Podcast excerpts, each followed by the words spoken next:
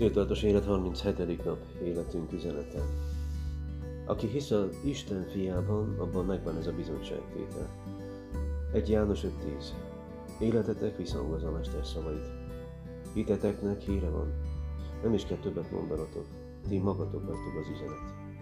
Egy Tesszalonik 1.8. Az életünknek van egy üzenete, amelyet Istentől kaptunk, mégpedig azért, hogy továbbadjuk. Amikor hívővé lettünk, Isten követévé is lettünk. Rajtunk keresztül akar szólni a világhoz. Istenből szólunk, Isten előtt Krisztus által, mondja Pál. Talán úgy érezzük, nincs itt mondanunk az embereknek. Nos, ez csak a gonosz próbálkozása arra, hogy elhallgattasson bennünket. Egész tárháznyi élményünk van, amelyeket Isten szeretne arra használni, hogy általunk vezessen másokat is a családjába. A Biblia azt mondja, és aki hisz Isten fiában, abban megvan ez a bizonyságtétel. Életünk üzenete négy részből áll. Első a bizonyságtételünkből. Ez a Jézussal való kapcsolatunk kezdetének története. Második életünk tanulságaiból, ezek a legfontosabb leckék, amelyeket Isten tanított nekünk. Harmadik legfőbb szenvedélyeinkből, ezek azok a dolgok, amelyekért dobog a szívünk, mert Isten ilyennek teremtett bennünket. Negyedik, az örömhírből. Ez a megváltásról szóló üzenet. A bizonyságtétel. Ez annak a története, hogy milyen változást hozott Krisztus az életünkbe. Péter írja, hogy Isten arra választott minket, hogy hirdessétek nagy tetteit annak, aki a sötétségből az ő csodálatos világosságára hívott el titeket. Ez a lényege annak, hogy beszélünk a hitünkről. Elmondjuk, milyen tapasztalataink vannak Istenről. A tanulnak a bíróságon nem az a dolga, hogy érveljen, az igazságot bizonygassa, vagy ítéletet követeljen de ez az ügyvédek feladata. Ő egyszerűen beszámol arról, ami történt vele, vagy amit látott. Tanúim lesztek, mondta Jézus, nem pedig, hogy védő ügyvédeim lesztek. Azt szeretné, ha elmondanánk, mi történt velünk. De azért olyan lényeges eleme ez földi küldetésünknek, mert teljesen egyedi. Mivel senki más története nem egyezül meg teljesen a miénkkel, fontos beszélnünk róla, hiszen ha nem tesszük meg, örökre elvész. Talán nem mindenki Biblia tudós, de mindenki tekintélyének számít, legalább a saját életét illetően. Hiszen a személyes tapasztalattal szemben igen nehéz vitába szállni, sőt, az életünkből vett bizonyságtétel még hatásosabb is a prédikációnál, mivel a lelkészek inkább hivatásos ügynököknek e, tűnnek föl az emberek előtt, míg minket elégedett vásárlóknak tartanak. Ezért van nagyobb hitelünk előttük. Az életből vett történetekkel azonosulni is könnyebb, mint az elvekkel. És az emberek szívesen is hallgatják őket, jobban megragadják a figyelmüket, és tovább is emlékeznek rájuk. Ha teológusokat idézgetnénk, nem sokáig tudnánk fenntartani a nem hívők érdeklődését. Ám az általuk soha nem tapasztalt réményekről szóló elbeszélések hamar felébrezték a kíváncsiságukat. Történeteink hidat építenek köztünk és az emberek között. Jézus ezen át el a missziótól az ő szívükig. A bizonyság tétel másik nagy értéke, hogy megkerülni az értelmi kifogásokat, hiszen egy-egy alázatos, személyes történetet sokan szívesen meghallgatnak, még ha a Bibliát nem is fogadják el tekintéként. Pálapostól is ezért választotta hat alkalommal a bizonyságtételt a Szentírás magyarázata helyett. Legyetek készen mindenkor számot adni mindenkinek, aki számon kéri tőletek a bennetek élő reménységet. Ez pedig szeréden és tisztelettudóan tegyétek. Írja a Biblia. Ahhoz, hogy mindig készen álljunk, érdemes négy pontra osztva írásba megfogalmazni a bizonságtételünket és megtanulni a főpontjait. Az első, milyen volt az életem, mielőtt megismertem Krisztust. A második, hogyan ismertem föl, hogy szükségem van Jézusra. A harmadik, hogyan adtam át az életemet Jézusnak. A negyedik, hogyan változtatta meg Jézus az életemet. A megtérésünk történetén kívül még számos más bizonyságtételünk is lehet. Valójában minden egyes esetről, amikor Isten megsegített, van egy ilyen bizonyságtételünk. Érdemes sorra vennünk az összes nehézséget, körülményt, válságot, amelyen Isten keresztül vett, és érzékenyen éppen azt elővenni, amelyik a legtöbbet jelenthet annak, akivel éppen beszélgetünk. Különböző helyzetekben különböző bizonyságtételek lehetnek hasznosak. A második az életünk tanulságai. Ezek azok az igazságok, amelyeket Istenről szerzett tapasztalatainkból tanultunk. Leckék, meglátások Istenről, a kapcsolatokról, nehézségekről, a kísértésekről, az élet különböző területeiről. Dávid így imádkozott. Istenem, taníts az élet leckéjére, hogy utadon maradhassak. Sajnos nem mindenből tanulunk, ami történik velünk. Izrael népéről például ezt mondja a Biblia, sokszor megmentette őket, de ők önfejűen engedetlenek maradtak és mélyre süllyedtek bűneik miatt. Valószínűleg mindannyian ismerünk ilyen embereket. Bölcs dolog tanulni tapasztalatainkból, de még bölcsebb mások tapasztalataiból. Az élet nem ad elég időt arra, hogy mindent a saját kárunkon tanuljunk meg. Érdemes mások életéből is levonnunk a tapa- tanulságot. Mint az aranyfüggő és a színarany ékszer, olyan a bölcs feddés a szófogadó fülnek, írja a Biblia. Érdemes leírnunk a legtöbb leckét, hogy másokkal is meg tudjuk osztani őket. Hálásnak kell lennünk Salamonnak, hogy ő nem mulasztotta ezt el, így birtokunkban lehet a példabeszédek és a prédikátor könyve, tele hasznos, gyakorlatias életleckékkel. Képzeljük csak el, mennyi fölösleges frusztrációtól kímélhetnénk meg magunkat, ha mindig tanulnánk egymás leckéből. Az élet embereknek szokásuk levonni a tanulságot minden napos élményeiből. Érdemes fel is jegyezni ezeket a gondolatokat, hiszen amit nem írunk le, az nem is igazán gondoltuk végig. Íme néhány kérdés a kezdéshez, a memória felfrissítéséhez. Mire tanított Isten a kudarcaimon keresztül? Mire tanított Isten a pénzhiányon keresztül? Mire tanított Isten a fájdalmon, a szomorúságon, a depresszión keresztül? Mire tanított? Mit tanított Isten a várakozáson keresztül? Mit tanított Isten a betegségen keresztül? Mit tanított Isten a csalódásokon keresztül? Mit tanultam a családomtól, gyülekezetemtől, kapcsolatainkból, kiscsoportomtól és a bírálóinktól? A harmadik fontos dolog a legfőbb szenvedélyeink. Isten szenvedélyes, szenvedélyesen szeret bizonyos dolgokat, és szenvedélyesen gyűlöl másokat. Ahogy közelebb kerülünk hozzá, egyre jobban a szívünkre helyez valamit, ami neki nagyon fontos, és így ennek mi lehetünk a szószólói a világban. Ez az ügy lehet valamilyen problémával, célral, alapelvel, csoporttal vagy néppel kapcsolatos szenvedély, Akármi legyen is, úgy érezzük, muszáj felszólalnunk miatta, és minden tőlünk telhetőt megtenni az érdekében. Nem is igazán tudjuk visszafogni magunkat, hogy éppen arról ne beszéljünk, ami számunkra a legfontosabb. Jézus azt mondta, amivel csordultig van a szív, azt szólja a száj. Az egyik példa erre Dávid. A házad iránti féltő szeretet emészt, mondja. A másik Jeremiás. Az Úr igéje perzselő tűzé vált szívemben, csontjaiban van rekesztve, írja. Előfordul, hogy Isten azt helyezi a szívünkre, hogy élére álljunk valamilyen ügynek. Gyakran valami olyasmiről van szó, amiről személyes tapasztalatunk van. Bántalmazás, függőség, meddőség, depresszió, valamilyen betegség vagy más nehézség. Van, akinek azt helyezi a szívére, hogy legyen szószólója egy olyan csoportnak, amely nem képes saját érdekeit védeni a meg nem született gyermekeknek, az üldözötteknek, a szegényeknek, a bebörtönzötteknek, a kihasználtaknak, a hátrányos helyzetűeknek, vagy azoknak, akiknek senki nem szolgáltat igazságot. A Bibliában szinte egymást érik azok a parancsok, amelyek a védtelenek védelmére szólítanak föl. Isten a szenvedélyes emberek által kívánja előrébb vinni az országát. Szívünkre helyezheti például, hogy alapítsunk új gyülekezeteket, erősítsük meg a családokat, finanszírozunk a biblia fordításokat, vagy képezzünk ki keresztény vezetőket. Arra is felkeltheti bennünk a vágyat, hogy egy bizonyos embercsoporthoz eljutassuk az evangéliumot. Például az üzletemberekhez, a tinédzserekhez, a külföldi diákokhoz, a fiatal anyukákhoz, vagy egy-egy hobbi vagy sportág képviselőihez. Ha azt kérjük Istentől, ő szívünkre fogja helyezni valamelyik országot vagy etnikai csoportot, amelynek szüksége lenne keresztény bizonyságtételre. Isten különböző vágyakat helyez a szívünkbe, hogy minden megvalósulhasson, amit szeretne elvégezni a világban.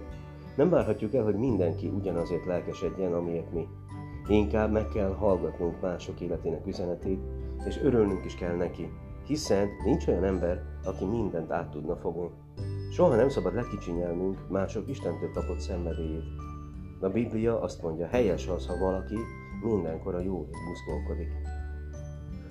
A negyedik az örömhír, mint életünk üzenetének része. Mi is az örömhír? Az örömhír azt mutatja be, hogyan békül meg Isten az emberekkel, hogy ezt hittel indul és hithez jut el. Isten ugyanis Krisztusban megbékéltette a világot önmagával, úgyhogy nem tulajdonította nekik védkeiket, és ránk bízta békéltetés igéjét. Az örömhír azt jelenti, hogy amikor elhisszük, hogy Isten kegyelme meg tud menteni minket Jézus munkájától, akkor megbocsátatnak a bűneink, értelmek meg életünk, és megkapjuk a mennyei lakhely ígéretét. Több száz igen jó könyvet írtak már arról, hogyan mondhatjuk el az evangéliumot. A második függelékben megadtam azoknak a címét, amelyeket én hasznosnak találtam. Azonban a világ összes képzése nem fog rámenni senkit a Krisztusról való bizonyságtételre, ha nem vált meggyőződésévé az előző fejezetben felsorolt nyolc alapelv. A legfontosabb, hogy megtanuljuk Isten szeretetével szeretni az elveszetteket. Isten még nem teremtett olyan embert, akit ne szeretett volna. Az ő szemében mindenki értékes. Krisztus, amikor kitárt karokkal függött a kereszten, tulajdonképpen ezt mondta, ennyire szeretlek benneteket. A Biblia pedig azt mondja, mert a Krisztus szeretete szorongat minket, mivel azt tartjuk, hogy ha egy meghalt mindenkiért, akkor mindenki meghalt. Olyankor, amikor közönösen viszonyulunk küldetésünkhöz, érdemes újra végig végig gondolni, mit is tett Krisztus értünk a kereszten. A nem hívőket azért kell szeretnünk, mert Isten is szereti őket. A szeretet pedig nem hagy más választást számunkra. A szeretetben nincsen félelem, sőt a teljes szeretet kivízi a félelmet, mondja a Biblia. A szülő havozás nélkül beront az égőházba, hogy bent reked gyermekét kimentse, mivel az iránta érzett szeretete nagyobb, mint a félelme. Aki fel elmondani az örömhírt a körülötte élőknek, az kérje meg Istent, hogy töltse meg szeretetével irántuk. Az Úr nem azt akarja, hogy némelyek elvesztenek, hanem hogy mindenki megtérjen, mondja a Biblia. Na még egyetlen olyan ember is van az ismeretségi körünkben, aki még nem ismeri Krisztust, addig folytatnunk kell érte az imádkozást, szolgálnunk kell szeretettel, és ki kell mondanunk neki az örömhírt. Amíg egyetlen olyan emberi a környezetünkben, aki még nem tartozik Isten családjához, addig kell szolgálnia neki a gyülekezetünknek. Az a gyülekezet, amely nem akar növekedni, voltak éppen azt közli a világgal, nyugodtan a pokolra kerülhettek. Vajon mit vagyunk készek megtenni annak érdekében, hogy ismerőseink a mennybe kerülhessenek? Hajlandóak vagyunk meghívni őket a gyülekezetünkbe, vagy elmondani bizonyságtételünket, odaadni nekik ezt a könyvet, meghívni őket ebédre, esetleg minden nap imádkozni értük, amíg meg nem térnek? A missziós terület itt van körülöttünk. Ne hagyjuk ki az Isten által felkínált lehetőségeket. Bölcsen viselkedjetek a kívülállók iránt, a kedvező alkalmakat jó használjátok föl. Ismerünk-e valakit, aki majd miattunk lehet ott a mennyben?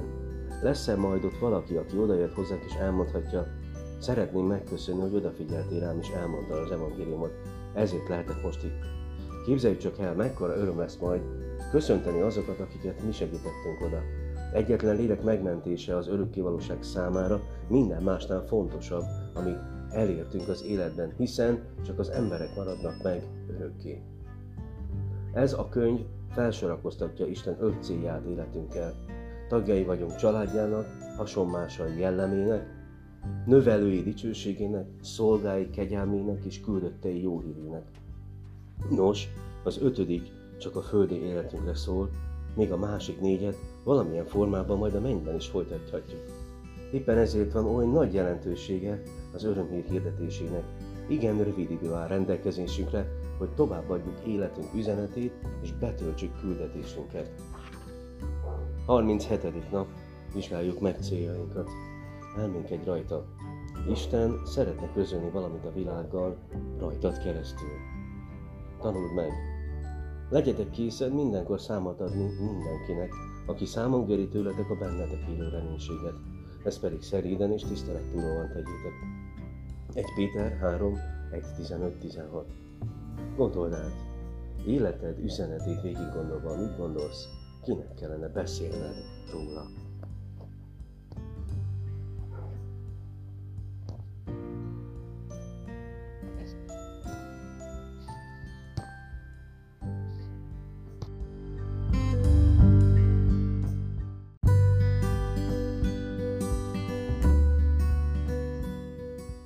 Céltudatos élet 37. nap életünk üzenete.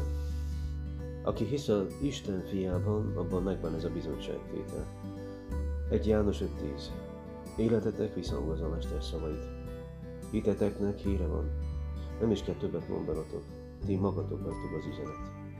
Egy Tesszalonik 1.8. Az életünknek van egy üzenete, amelyet Istentől kaptunk, mégpedig azért, hogy továbbadjuk.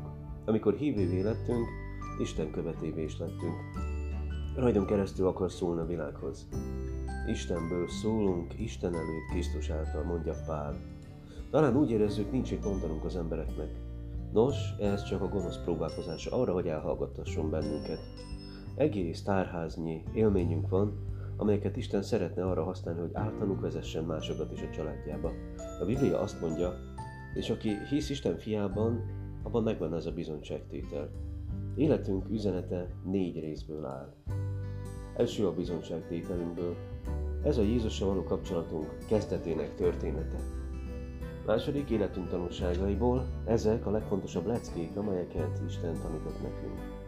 Harmadik legfőbb szenvedélyeinkből, ezek azok a dolgok, amelyekért dobog a szívünk, mert Isten ilyennek teremtett bennünket. Negyedik, az örömhírből. Ez a megváltásról szóló üzenet. A bizonyságtétel. Ez annak a története, hogy milyen változást hozott Krisztus az életünkbe.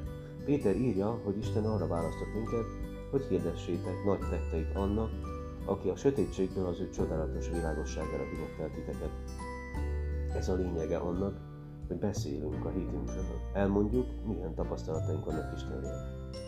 A tanulnak a bíróságon nem az a dolga, hogy érveljen, az igazságot bizonygassa, vagy ítéletet követeljen. De ez az ügyvédek feladata. Ő egyszerűen beszámol arról, ami történt vele, vagy amit látott. Tanúim lesztek, mondta Jézus, nem pedig, hogy védő ügyvédeim lesztek. Azt szeretné, ha elmondanánk, mi történt velünk. Azért olyan lényeges eleme ez földi küldetésünknek, mert teljesen egyedi. Mivel senki más története nem egyezünk meg teljesen a miénkkel, fontos beszélnünk róla, hiszen ha nem tesszük meg, örökre elvész. Talán nem mindenki bibliatudós, de mindenki tekintélyének számít, legalább a saját életét illetően. Hiszen a személyes tapasztalattal szemben igen nehéz vitába szállni, sőt, az életünkből vett bizonyságtétel még hatásosabb is a prédikációnál, mivel a lelkészek inkább hivatásos ügynököknek e, tűnnek föl az emberek előtt, míg minket elégedett vásárlóknak tartanak. Ezért van nagyobb hitelünk előttük. Az életből vett történetekkel azonosulni is könnyebb, mint az elvekkel, és az emberek szívesen is hallgatják őket, jobban megragadják a figyelmüket, és tovább is emlékeznek rájuk. Ha teológusokat idézgetnénk, nem sokáig tudnánk fenntartani a nem hívők érdeklődését. Ám az általuk soha nem tapasztalt élményekről szóló elbeszélések hamar felébrezték a kíváncsiságukat. Történeteink hidat építenek köztünk és az emberek között. Jézus ezen át jutott el a missziótól az ő szívükig. A bizonság tétel másik nagy értéke, hogy megkerül az értelmi kifogásokat, hiszen egy-egy alázatos, személyes történetet sokan szívesen meghallgatnak, még ha a Bibliát nem is fogadják el tekintékért. Állapostól is ezért választotta hat alkalommal a bizonyságtételt a Szentírás magyarázata helyett. Legyetek készen mindenkor számot adni mindenkinek, aki számon kéri tőletek a bennetek élő reménységet. Ez pedig szeriden és tisztelettudóan tegyétek. Írja a Biblia. Ahhoz, hogy mindig készen álljunk, érdemes négy pontra osztva írásban megfogalmazni a bizonyságtételünket és megtanulni a főpontjait. Az első, milyen volt az életem, mielőtt megismertem Krisztust. A második, hogyan ismertem föl, hogy szükségem van Jézusra. A harmadik, hogyan adtam át az életemet Jézusnak. A negyedik, hogyan változtatta meg Jézus az életemet. A megtérésünk történetén kívül még számos más bizonyságtételünk is lehet. Valójában minden egyes esetről, amikor Isten megsegített, van egy ilyen bizonyságtételünk. Érdemes sorra vennünk az összes nehézséget, körülményt, válságot, amelyen Isten keresztül vét, és érzékenyen éppen azt elővenni, amelyik a legtöbbet jelenthet annak, akivel éppen beszélgetünk. Különböző helyzetekben különböző bizonyságtételek lehetnek hasznosak. A második az életünk tanulságai. Ezek azok az igazságok, amelyeket Istenről szerzett tapasztalatainkból tanultunk. Leckék, meglátások Istenről, a kapcsolatokról, nehézségekről, a kísértésekről, az élet különböző területeiről. Dávid így imádkozott. Istenem, taníts az élet leckéjére, hogy utadon maradhassak. Sajnos nem mindenből tanulunk, ami történik velünk. Izrael népéről például ezt mondja a Biblia, sokszor megmentette őket, de ők önfejűen engedetlenek maradtak és mélyre süllyedtek bűneik miatt. Valószínűleg mindnyáján ismerünk ilyen embereket. Bölcs dolog tanulni tapasztalatainkból, de még bölcsebb mások tapasztalataikból. Az élet nem ad elég időt arra, hogy mindent a saját kárunkon tanulunk meg, Érdemes mások életéből is levonnunk a tanulságot. Mint az aranyfüggő és a színarany ékszer, olyan a bölcs feddés, a szófogadó fülnek, írja a Biblia. Érdemes leírnunk a legtöbb leckét, hogy másokkal is meg tudjuk osztani őket. Hálásnak kell lennünk Salamonnak, hogy ő nem mulasztotta ezt el, így birtokunkban lehet a példabeszédek és a prédikátor könyve, tele hasznos, gyakorlatias életleckékkel.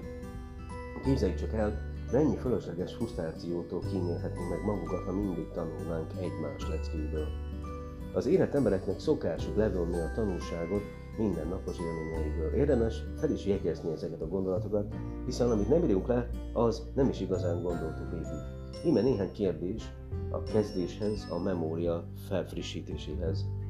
Mire tanított Isten a kudarcaimon keresztül? Mire tanított Isten a pénzhiányon keresztül? Mire tanított Isten a fájdalmon, a szomorúságon, a depresszión keresztül? Mire tanított? Mit tanított Isten a várakozáson keresztül? Mit tanított Isten a betegségen keresztül? Mit tanított Isten a csalódásokon keresztül? Mit tanultam a családomtól, gyülekezetemtől, kapcsolatainkból, kicsoportomtól és a bírálóinktól? A harmadik fontos dolog a legfőbb szenvedélyeink. Isten szenvedélyes, szenvedélyesen szeret bizonyos dolgokat, és szenvedélyesen gyűlöl másokat. Ahogy közelebb kerülünk hozzá, egyre jobban a szívünkre helyez valamit, ami neki nagyon fontos, és így ennek mi lehetünk a szószólói a világban. Ez az ügy lehet valamilyen problémával, célral, alapelvel, csoporttal vagy néppel kapcsolatos szenvedély, Akármi legyen is, úgy érezzük, muszáj felszólalnunk miatta, és minden tőlünk telhetőt megtenni az érdekében. Nem is igazán tudjuk visszafogni magunkat, hogy éppen arról ne beszéljünk, ami számunkra a legfontosabb. Jézus azt mondta, amivel csordultig van a szív, azt szólja a száj. Az egyik példa erre Dávid. A házad iránti féltő szeretet emészt, mondja. A másik Jeremiás. Az Úr igéje perzselő tűzé vált szívemben, csontjaiban van rekesztve, írja. Előfordul, hogy Isten azt helyezi a szívünkre, hogy élére álljunk valamilyen ügynek. Gyakran valami olyasmiről van szó, amiről személyes tapasztalatunk van. Bántalmazás, függőség, meddőség, depresszió, valamilyen betegség vagy más nehézség. Van, akinek azt helyezi a szívére, hogy legyen szószólója egy olyan csoportnak, amely nem képes saját érdekeit védeni, a meg nem született gyermekeknek, az üldözötteknek, a szegényeknek, a bebörtönzötteknek, a kihasználtaknak, a hátrányos helyzetűeknek, vagy azoknak, akiknek senki nem szolgálhat igazságot. A Bibliában szinte egymást érik azok a parancsok, amelyek a védtelenek védelmére szólítanak föl. Isten a szenvedélyes emberek által kívánja előrébb vinni az országát. Szívünkre helyezheti például, hogy alapítsunk új gyülekezeteket, erősítsük meg a családokat, finanszírozunk a Biblia fordításokat, vagy képezzünk ki keresztény vezetőket. Arra is felkeltheti bennünk a vágyat, hogy egy bizonyos embercsoporthoz eljutassuk az evangéliumot. Például az üzletemberekhez, a tinédzserekhez, a külföldi diákokhoz, a fiatal anyukákhoz, vagy egy-egy hobbi vagy sporták képviselőihez. Ha azt kérjük Istentől, ő szívünkre fogja helyezni valamelyik országot vagy etnikai csoportot, amelynek szüksége lenne keresztény bizonyságtételre. Isten különböző vágyakat helyez a szívünkbe, hogy minden megvalósulhasson, amit szeretne elvégezni a világban. Nem várhatjuk el, hogy mindenki ugyanazért lelkesedjen, amiért mi. Inkább meg kell hallgatnunk mások életének üzenetét, és örülnünk is kell neki, hiszen nincs olyan ember, aki mindent át tudna fogni. Soha nem szabad lekicsinyelnünk mások Istentől kapott szenvedélyét. A Biblia azt mondja, helyes az, ha valaki mindenkor a jó buszkolkodik. A negyedik az örömhír, mint életünk üzenetének része. Mi is az örömhír? Az örömhír azt mutatja be, hogyan békül meg Isten az emberekkel, hogy ezt hittel indul és hithez jut el. Isten ugyanis Krisztusban megbékéltette a világot önmagával, úgyhogy nem tulajdonította nekik védkeiket, és ránk bízta békéltetés igéjét. Az örömhír azt jelenti, hogy amikor elhisszük, hogy Isten kegyelme meg tud menteni minket Jézus munkájától, akkor megbocsátatnak a bűneink, értelmet nyer életünk, és megkapjuk a mennyei lakhely ígéretét. Több száz igen jó könyvet írtak már arról, hogyan mondhatjuk el az evangéliumot. A második függelékben megadtam azoknak a címét, amelyeket én hasznosnak találtam. Azonban a világ összes képzése nem fog rámenni senkit a Krisztusról való bizonyságtételre, ha nem vált meggyőződésévé az előző fejezetben felsorolt nyolc alapelv. A legfontosabb, hogy megtanuljuk Isten szeretetével szeretni az elveszetteket. Isten még nem teremtett olyan embert, akit ne szeretett volna. Az ő szemében mindenki értékes. Krisztus, amikor kitárt karokkal függött a kereszten, tulajdonképpen ezt mondta, ennyire szeretlek benneteket. A Biblia pedig azt mondja, mert a Krisztus szeretete szorongat minket, mivel azt tartjuk, hogy ha egy meghalt mindenkiért, akkor mindenki meghalt. Olyankor, amikor közönösen viszonyulunk küldetésünkhöz, érdemes újra végig gondolni, végig gondolni, mit is tett Krisztus értünk a kereszten. A nem hívőket azért kell szeretnünk, mert Isten is szereti őket. A szeretet pedig nem hagy más választást számunkra. A szeretetben nincsen félelem, sőt a teljes szeretet kivízi a félelmet, mondja a Biblia. A szülő havozás nélkül beront az égőházba, hogy bent reked gyermekét kimentse, mivel az iránta érzett szeretete nagyobb, mint a félelme.